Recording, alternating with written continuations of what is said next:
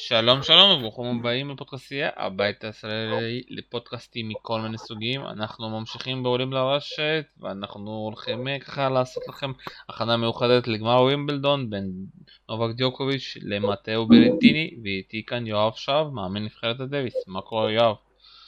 אהלן שלום, מה העניינים? מעולה, אז אתה יודע, הרבה ידברו על הגמר הזה, בסופו של דבר, אתה יודע, הגמר הזה כולם מסתכלים על ה-20 של נובק, אבל אתה יודע, יש פה יריב, מישהו בשם ברטיני, שמצליח להגיע לגמר הזה, והוא הולך להיות די מסוכן. כן, כן, אין ספק שהוא יריב מסוכן. אה, דעתי שהוא היה יכול להפתיע את נובק בכל שלב בטורניר, לא בגמר. מעניין, למה? בוא תסביר לי למה. קודם כל, גמר ראשון של אה, ברטיני, נובק יש לו מספיק ניסיון בגמרים, אני חושב שבלי קשר לזה שנובק הוא פייבוריט אה, מובהק, אז אה, גם מבחינת הפייבוריטיות, גם מבחינת ה matchup ביניהם שעוד נדבר עליו, אבל בגמר בווימבלדון, אני מאוד מאוד יופתע אם ברטיני ינצח אותו. שוב פעם, אתה יודע, הוא מגיע כאנדרדוג מובהק ומאוד מעניין איך הצוות שלו יכין אותו, אבל אם נדבר עד עכשיו, כאילו ברטיני היה לו הגרלה, אפשר להגיד, אחת הקלות, בעיקר בסיבוב הראשונים, כי הוא, כל פעם שהוא הגיע לשלב הבא, אפשר להגיד שהיריבים הקשים כביכול מהגרלה, אתה יודע, עפו לו ועפו לו, ואפילו, אתה יודע, בחצי גמר הוא היה צריך לקבל את uh, אורקש ולא את מדוודיה ולא את uh, פדרר. ההגרלה באמת סוף, כאילו בשעה טובה אפשר להגיד, לא כמו בראון גרוס, אה, הייתה לו ממש קלה והוא הגיע אפשר להגיד אפילו, אתה יודע, אה, די נוח, כי אתה יודע, אני ככה חוזר גם פליקס, אתה יודע, לקבל את פליקס ולא לקבל את זוורב, זה גם, זה מאוד קל על הדשא. כן, כן, אני לא, אני חושב שכן, על הנייר ההגרלה נפתחה לו וכביכול זה היה נראה שהייתה לו הגרלה קלה, אני לא באמת מאמין בזה שיש הגרלות קלות, בטח לא בשלבים המאוחרים של גרנדסלאם, אישית אני חושב שפליקס זה משחק יותר קשה על דשא מאשר אה, זוורב, אז אני לא חושב שזה כל כך פתח לו את ההגרלה.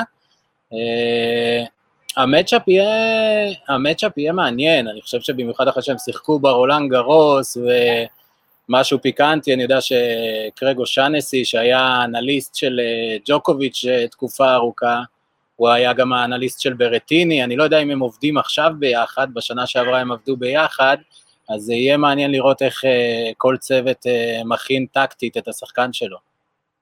אז אני אגלה לך סוד, הם עובדים ביחד, והוא גם עובד עם כל נבחרת איטליה, אתה יודע, גברים, אה, ולא סתם, אתה יודע, אנחנו ראינו את ההתקדמות של סונגו, ראינו את ההתקדמות של סינר השנה, הוא, הוא היה גם, אתה יודע, בטורניר רומא, היה באמת בכל המשחקים, וזה, אתה יודע, וזה משהו שאתה יודע, הרבה לא מדברים, ההכנה למשחקים, אתה יודע, ואנחנו רואים את זה, אתה יודע, את ברטיני, כי אני שוב ראיתי את זה גם בחצי הגמר, אתה יודע, זה דברים שהוא עושה אותם כל פעם מחדש, כל פעם לאותה פינה, ואני גם רואה את זה, את זה אצלו הרבה, כי זה, אתה יודע, ההכנה מאוד מדויקת מה אתה עושה, ולא משנה, ואתה לא מנסה לגוון.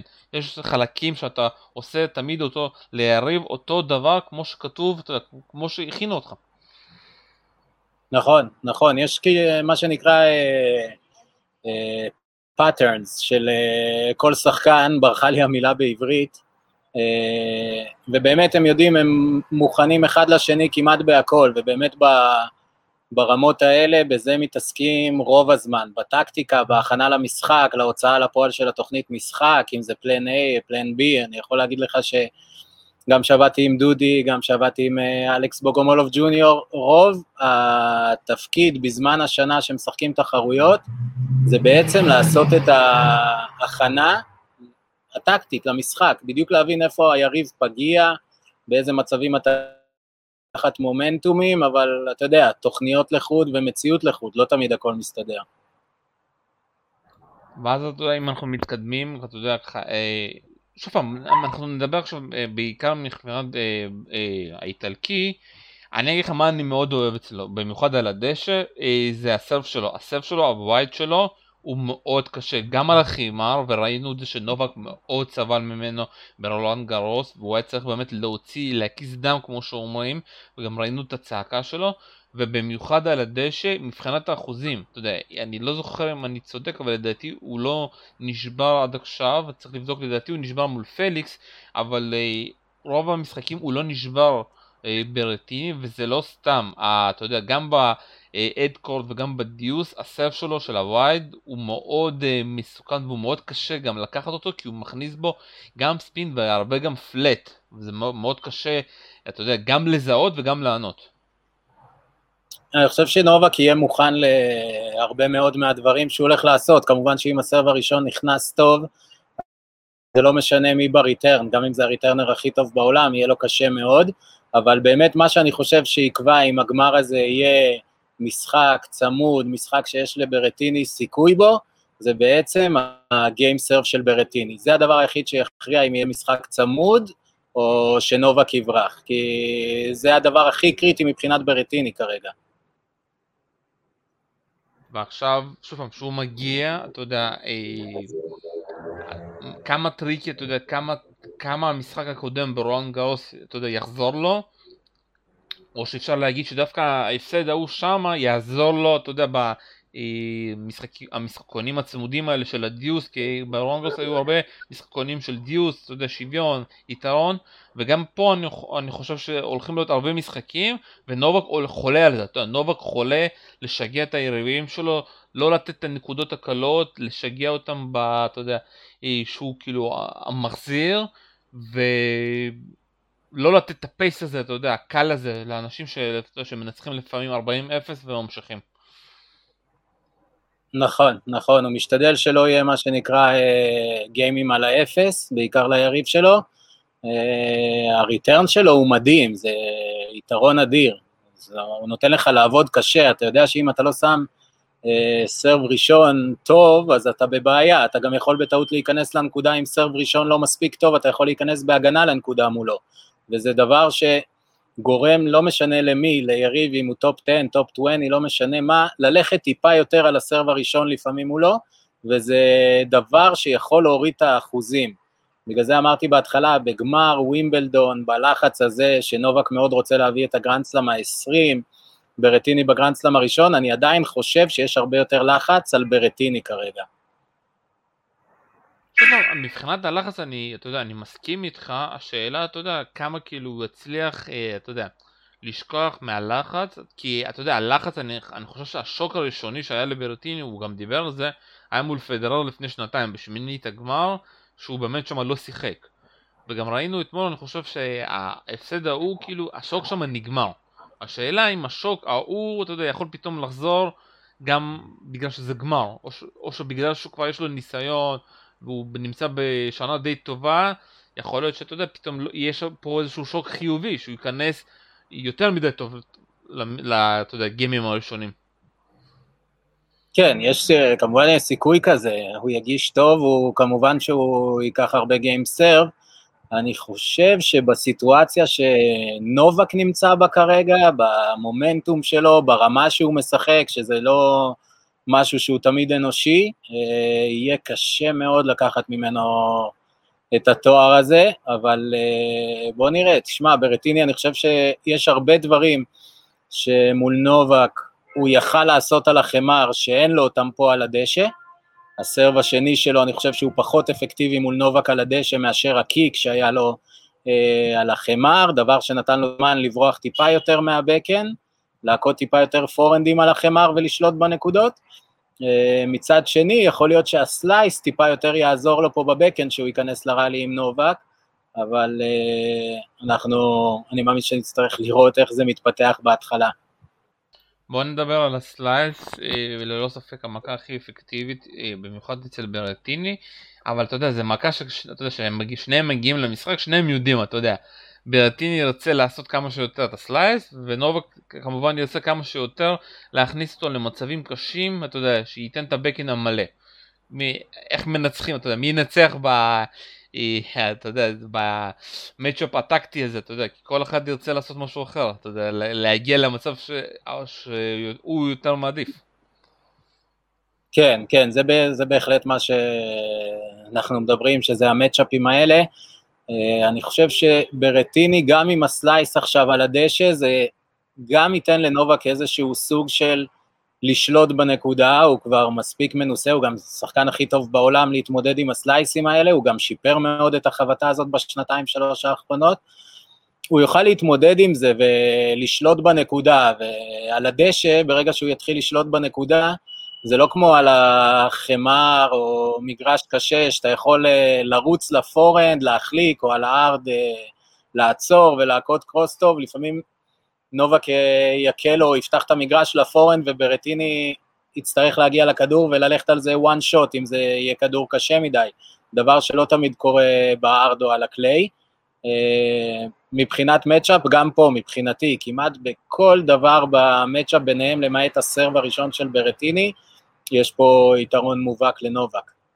שוב פעם, תלוי, אתה יודע, באיזה סיטואציות, כי נובק, גם הסטייל של נובק הוא טוב, אתה יודע, וזה גם הולך להיות מחר הרבה בית באונסים, אתה יודע, כי כבר אין שם יותר מדי דשא, ומאוד מעניין, אתה יודע, איך נובק גם מתמודד עם זה, כי ה slice שלו טוב, אתה יודע, אני מאמין שכמה כדורים שהם יהיו קשים, נובק כן יחזיר אותו עם slice, ואז יהיה מאוד מעניין לראות את ברטיני אם הוא ממשיך, אתה יודע, עם ה slice ים עד... אה, עד אינסוף, או שהוא, שהוא יקבל את ה slice מנובק הוא יתחיל לברוח ל forehand, שזה, שזה מה שהוא אוהב לעשות.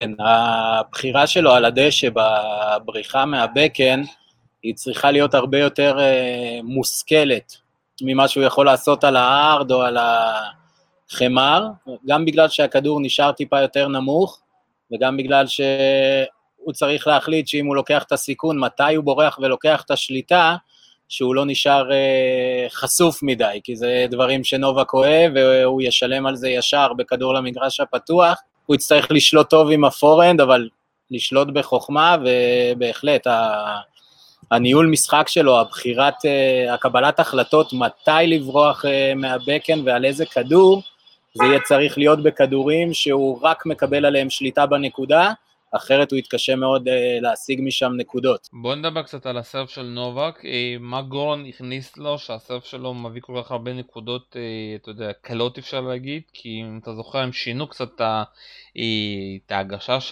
של נובק, כמו שקוראים לזה, אתה יודע, את ההנפה, או שההנפה תהיה יותר קצרה.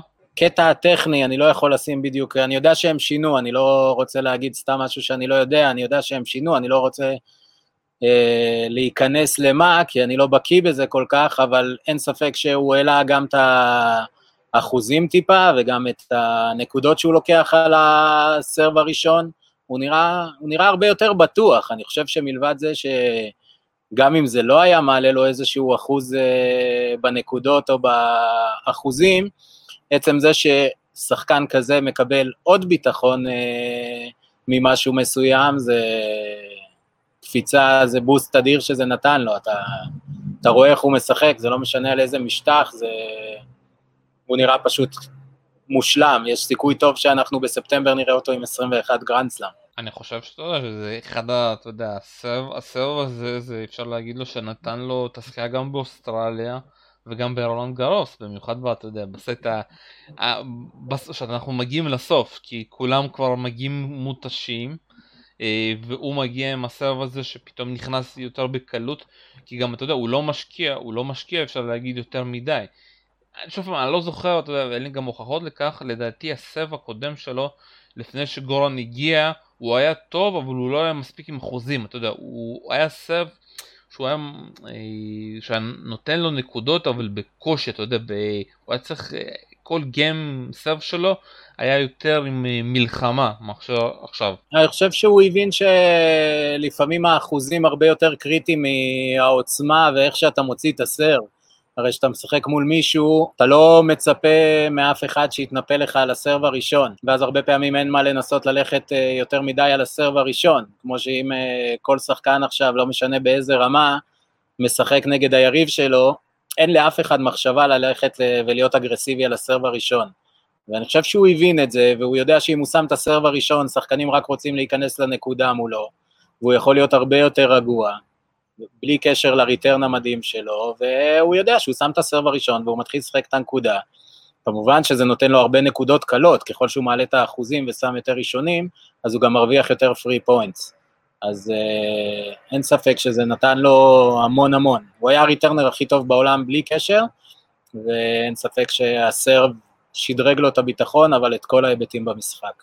כשאני מסתכל, אתה יודע, על המשחק האחרון שלו מול אה, שפו, אה, שפובלוב, אה, ומסתכל מבחינת האסים, היו לו שמונה אסים לעומת חמש אסים של הקנדי, וזה כבר מראה, אתה יודע, זה נתון די מפתיע, במיוחד כמו מגיש כמו שפוולוב.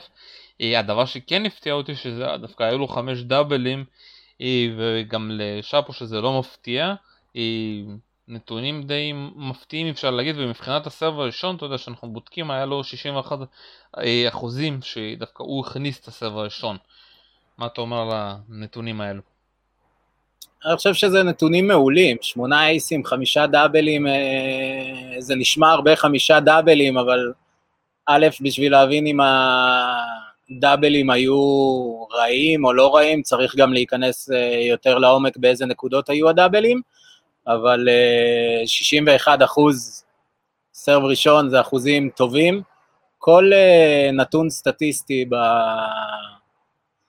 במשחק שהוא מעל 60-61 אחוז זה נתון סטטיסטי טוב. לא אני המצאתי את זה, זה דבר ידוע, אבל uh, יצא לי להיות בכמה השתלמויות של uh, קרגו שאנסי, והוא שם לך את הנתונים בפרצוף, והוא מראה לך שמעל, אם אתה מעל 60 באיזשהו נתון מסוים באחוזים, בטח בסרב, אז uh, אתה יכול להיות רגוע. מה הצוות, אתה יודע, אחד הדברים שתמיד שמעתי על uh, נובק, uh, וזה די, אתה יודע, ואני לא יודע אם אתה יודע, הוא עזב את uh, קרייג אושינסקי בגלל ההגעה של גורן, כי גורן לא מאמין בדברים החדשים האלה.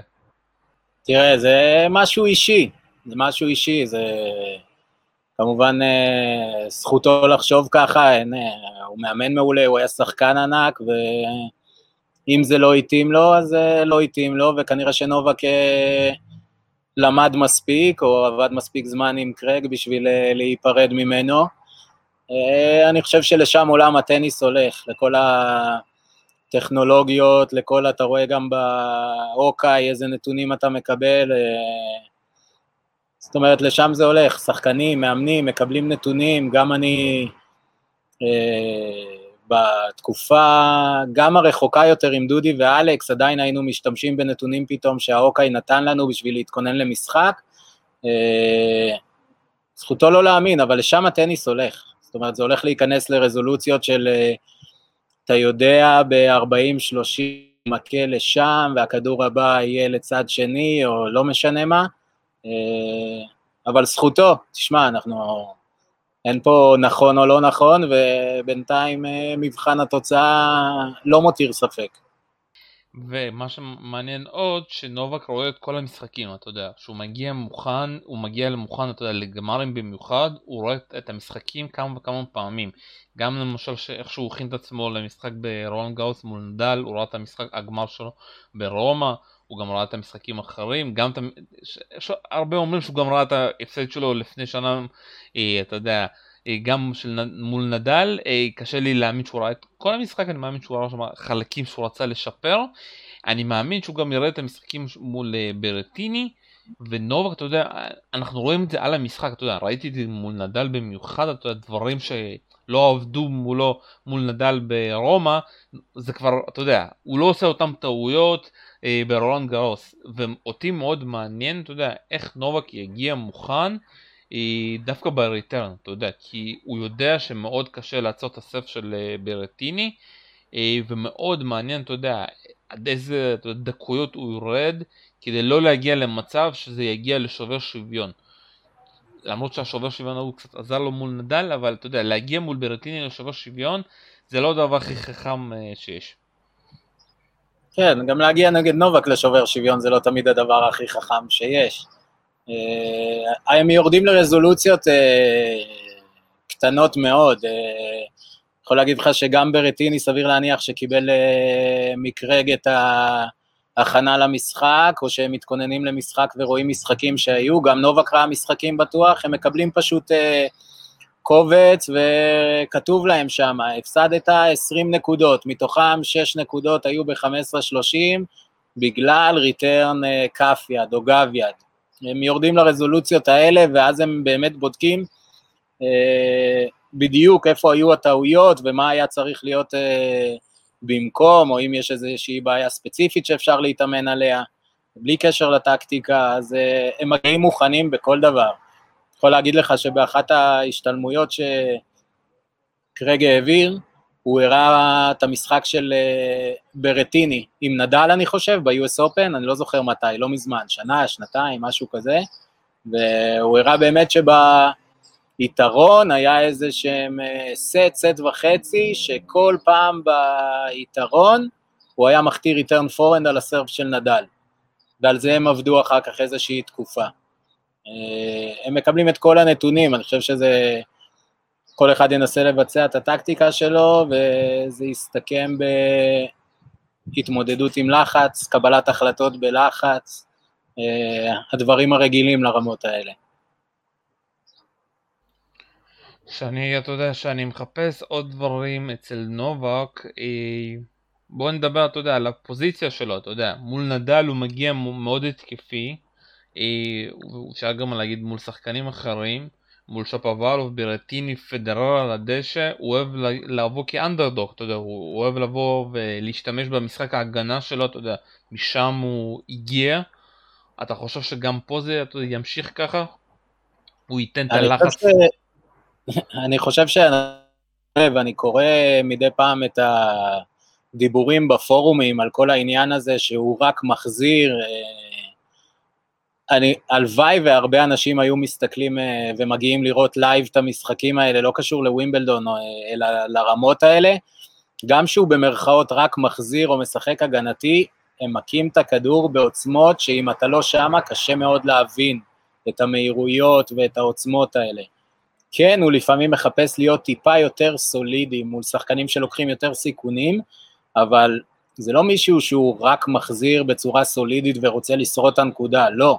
גם שהוא מחזיר במרכאות, הוא שם עליך כל כך הרבה לחץ, תסתכל את העומקים שהוא מכה, תסתכל שעל כל כדור, לפעמים כדור מעולה שמכים לו, הוא ישר יוצא מהגנה להתקפה בכדור שאתה אומר, אוקיי, זה נראה רגיל לאנשים שמסתכלים בטלוויזיה, אבל uh, לשחקן שהוא גם שחקן 50 בעולם, זה לא נורמלי אחרי שהוא מכה כדור כל כך טוב, לצאת uh, לצאת להגנה אחרי שהוא חשב שהוא בשליטה מלאה, זה הכל בא ביחד עם התזוזה שלו, עם ההכנה למשחק, עם, עם הקריאת משחק שלו, זה... אני לא חושב ש... אני לא הייתי מגדיר אותו שחקן אה, דפנסיבי, ואני ראיתי את המשחקים, אני גם לא חושב שהוא היה כל כך הגנתי ורק החזיר במרכאות במשחקים האחרונים שלו, הוא היה יותר יציב, כן, אבל בהזדמנות הראשונה, בכל הזדמנות שהייתה לו, הוא העניש את היריב שלו.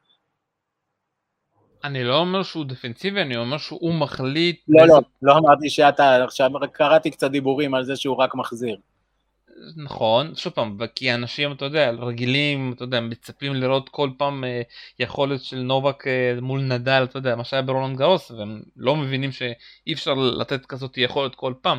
אני אומר שנובק יודע איך לבוא, אתה יודע, מול יריבים, אתה יודע, יש יריבים שהוא ישר מגיע מהשנייה הראשונה והוא מאוד התקפי, הוא לא מחפש, אתה יודע, להחזיר ולחכות, אה, ויש שחקנים כמו שפבל, ואני גם מאמין וברטיני, הוא יהיה יותר סולידי, הוא פחות יחפש, אתה יודע, לתקוף ויחפש את הקווים, כי אין צורך, אתה יודע, הוא יכול, הוא צריך פשוט, הוא תמיד בוחר את הטקטיקה שמתאימה ליריב, אתה יודע, וזה משהו שאני מאוד אוהב, במיוחד על הדשא, וזה משהו אנשים לא יכולים, אתה יודע, כל אחד כמעט שמגיע לתחרויות במעמדים האלה, נותן לך את הדוגמה, את אה, מדוודב או רובלב, אתה יודע מה אתה תקבל, אתה, כשהם מנסים פתאום לעלות לרשת, אתה רואה כמה רע זה נהיה, נראה, נכון. וכמה רע זה נראה, אתה יודע, על הפועל. אצל נובק, אתה יודע, הוא יכול, גם אם הוא מאחור, גם אם הוא התקפי, אתה לא רואה את ההבדלים, זה באותה רמה הוא יכול לבצע את שתי הטקטיקות. נכון, הוא יכול לעשות הכל, וציינת שני שחקנים דווקא שאם המצ'אפ מולם היה, אז אני חושב שהם היו יכולים לקחת מאחורה יותר סיכונים מברטיני, אני לא חושב שהם יותר טובים מברטיני, אבל uh, נובק אני חושב הוא מרגיש מאוד מאוד בטוח, כי כשמגיע שחקן, ברור שהוא אחד השחקנים הכי טובים בעולם ברטיני, אבל במרכאות שהבקן שלו יחסית, זה הבדל של שמיים בארץ לעומת הפורנד, אז הוא ירגיש הרבה יותר נוח כל פעם שהוא נמצא בסכנה או באיזושהי סיטואציה לא נעימה, שהוא יודע שאם הוא מצליח להגיע ל backhand של ברטיני, אז הוא חוזר לנקודה והוא בשליטה מלאה. שזה משהו שאם ברטיני יצליח אה, לדעתי, טיפה ללכת יותר על ה backhand, לקחת מחר יותר סיכונים, טיפה יותר backhand down the line, כמו של רובלב, כמו של מדוודב, שיכול uh, לגרום לנובק טיפה יותר uh, לפתוח את המגרש ולהיות הגנתי, אז הוא ייקח יותר נקודות. לא ראיתי אותו עושה את זה הרבה בשנים האחרונות במשחקים שהוא שיחק, uh, אז כן, יהיה לו מאוד נוח, הרבה ביטחון להרגיש שאם אני בסיטואציה לא, לא טובה לי, אם אני מצליח להגיע לבקן, אני חזרה בנקודה. זאת אומרת, הוא יצטרך ללכת על כדור שהוא וואו, ואם הוא הצליח לעשות את זה ברטיני, אז כל הכבוד, אבל בוא נראה אותו עושה את זה שלוש, שלושה, ארבעה, חמישה סטים. וזה בדיוק, אתה יודע, המפתח, כי מה שראיתי את ברטיני, לא ראיתי אותו הרבה בווימבלדון הזה, אבל הוא כן, אתה יודע, מצליח רוב הנקודות אה, להצליח על הדשא עם ה slice. גם בקווינס, הוא כן, אתה יודע, הוא פחות מנסה בכוח, אתה יודע, להכניס את ה backhand, רק אתה יודע, אם הוא לא עומד נכון עם הרגליים. וכאן אתה יודע, המלחמה, אתה יודע, כמה אתה מהמר בנקודות החשובות על ה backhand שתי ידיים שלו, או שאתה אומר עכשיו בנקודות החשובות אני ממשיך עם ה slice, לא משנה מה. זה מאוד מעניין מה, מה הם יחליטו לפני המשחק, אה, מה הם יעשו פה. אני חושב שזה יהיה תלוי בסיטואציה, אבל אני חושב שאין לו ברירה, הוא יהיה חייב ללכת כל פעם שהוא מרגיש שהוא טיפה באיזון בחבטה ויש לו את ה backhand שתי ידיים ולאורך הקו, ה down the line פתוח, הוא יהיה חייב ללכת על זה. אם לא תיקח סיכונים מול נובק בגמר ווימבלדון ותרצה לשחק עוד slice ועוד slice, נובק יעמוד שם שבוע, חודש, שנה אם הוא צריך ויחזיר את ה slice ים האלה. אם הוא ירצה לעשות משהו טיפה שונה, משהו טיפה מפתיע, הוא יהיה חייב להשתמש ב backhand הזה. אתה מאמין שהוא יכול לעשות, אה, להכניס backhand down the line בגמר ווימבלדון? אני לא, לא רואה שזה יכול לקרות. אני לא, אני לא מאמין שהוא יכול לעשות את זה ברמה גבוהה לאורך זמן, בטח לא בגמר ווימבלדון, אבל אה, אין לו ברירה אלא לקחת סיכונים. זאת אומרת, הוא חייב להביא משהו טיפה שונה. טוב, שמע, דיברנו לדעתי על כל הדברים הטקטיים שאפשר להיות, כי אני באמת שפעם, אני מאמין שנובק, אתה יודע, יצליח, הסרף שלו ימשיך להיות באחוזים האלו, אה, פחות עם דאבלים, אה, כי אתה, בסופו של דבר זה גמר, וזה שוב פעם, זה משחק של אחוזים, ומאוד מעניין מה האחוזים בסרב הראשון הולכים להיות של ברטיני. ומה אתה יודע הם יגיעו מה, מה הפתרונות שלהם יגיעו בנקודות החשובות אתה יודע באתקוד בדיוסים מה הם יעשו כמה פעמים הוא אתה יודע אה, יאמר בסרב שני כי הסרב השני שלו גם על הדשא מאוד מסוכן וגם הכניסה שלו. אה, ושוב פעם וגם אתה יודע עניין הלחץ כי אני חושב שכבר אנחנו הפסקנו את המשחקים האלה של הלחץ עם ברטיני הוא כבר מספיק מבוגר הוא כבר לקח גמר בלגרד הוא היה בגמר אה, מדריד, מול זוורב, הוא עבר את, אתה יודע, מה, הדברים המנטליים האלו שהוא היה צריך לעבור כדי להגיע, ועכשיו אתה יודע, זה תלוי בתוכנית משחק. אם הוא, אתה יודע, יצליח לקחת את כל הכלים שלו, אתה יודע, ולנטרל את כל הדברים מסביב, ואתה יודע, להגיד, כדי לנצח את נובק אני צריך לעשות א', ב', ג', אתה יודע, ולהתמיד בזה, הוא יכול להפתיע. שאלה, אתה יודע, שאלה גדולה, הוא, אתה יודע, אם הוא יצליח לעמוד בזה. כי, כי על, אתה יודע, על הנייר, שוב פעם, הכלים של ברטיני על הדשא הם ממש, בשביל נובק, הם מאוד מעצבנים. מעצבנים, שוב פעם, אני מדבר מבחינת האחוזים, אם הוא יכניס את הסבב הראשון. שאלה, אתה יודע, איך, אתה יודע, בפול זה יהיה. אני, יש, אה, אני חלוק עליך בכמה דברים פה. אני חושב שברטיני יהיה מאוד לחוץ, בלי קשר לגמר גרנדסלאם ראשון, הוא נכנס לשחק גמר ווימבלדון, זה משהו שונה מכל גמר אחר, בטח, אה, זה, זה משהו יוקרתי כזה, גם אה, לא משנה כמה פעמים אה, הייתי בגרנדסלאמים ודברים כאלה, אתה מגיע לווימבלדון זה משהו אחר, ואין כזה דבר מישהו שלא לחוץ, בטח ובטח לדעתי שהוא יהיה לחוץ, לפחות בהתחלה. וזה יהיה מאוד משמעותי לראות איך הוא מגיש בהתחלה כדי להשתחרר מזה. אני עדיין חושב שמבחינתי הכל תלוי בנובק, אם הוא יצליח להביא את עצמו באותה רמה שהוא שיחק בתקופה האחרונה, ולהוציא לפועל את התוכנית משחק שהוא רוצה להוציא, ולנטרל הרבה פעמים את הפורן של אה, ברטיני, שזה גם יהיה הרבה תלוי גם בסרב הראשון של נובק וגם בסרב הראשון של ברטיני, אז uh, אני חושב שיהיה גמר ש... לדעתי זה ייגמר בשלושה או ארבעה סטים לנובק, מה אתה אומר? שוב אתה יודע, על הנייר זה צריך להיגמר לנובק, אתה יודע. השאלה, אתה יודע, אם ברטיני מצליח לעשות את כל התוכנית עבודה שלו, האם זה יספיק? אז זהו, שנגד כל שחקן אחר בעולם, כנראה שזה היה מספיק. אבל uh, אני, זה לא תמיד מספיק, אם ברטיני ישחק מעולה ונובק ישחק מעולה, נובק ינצח.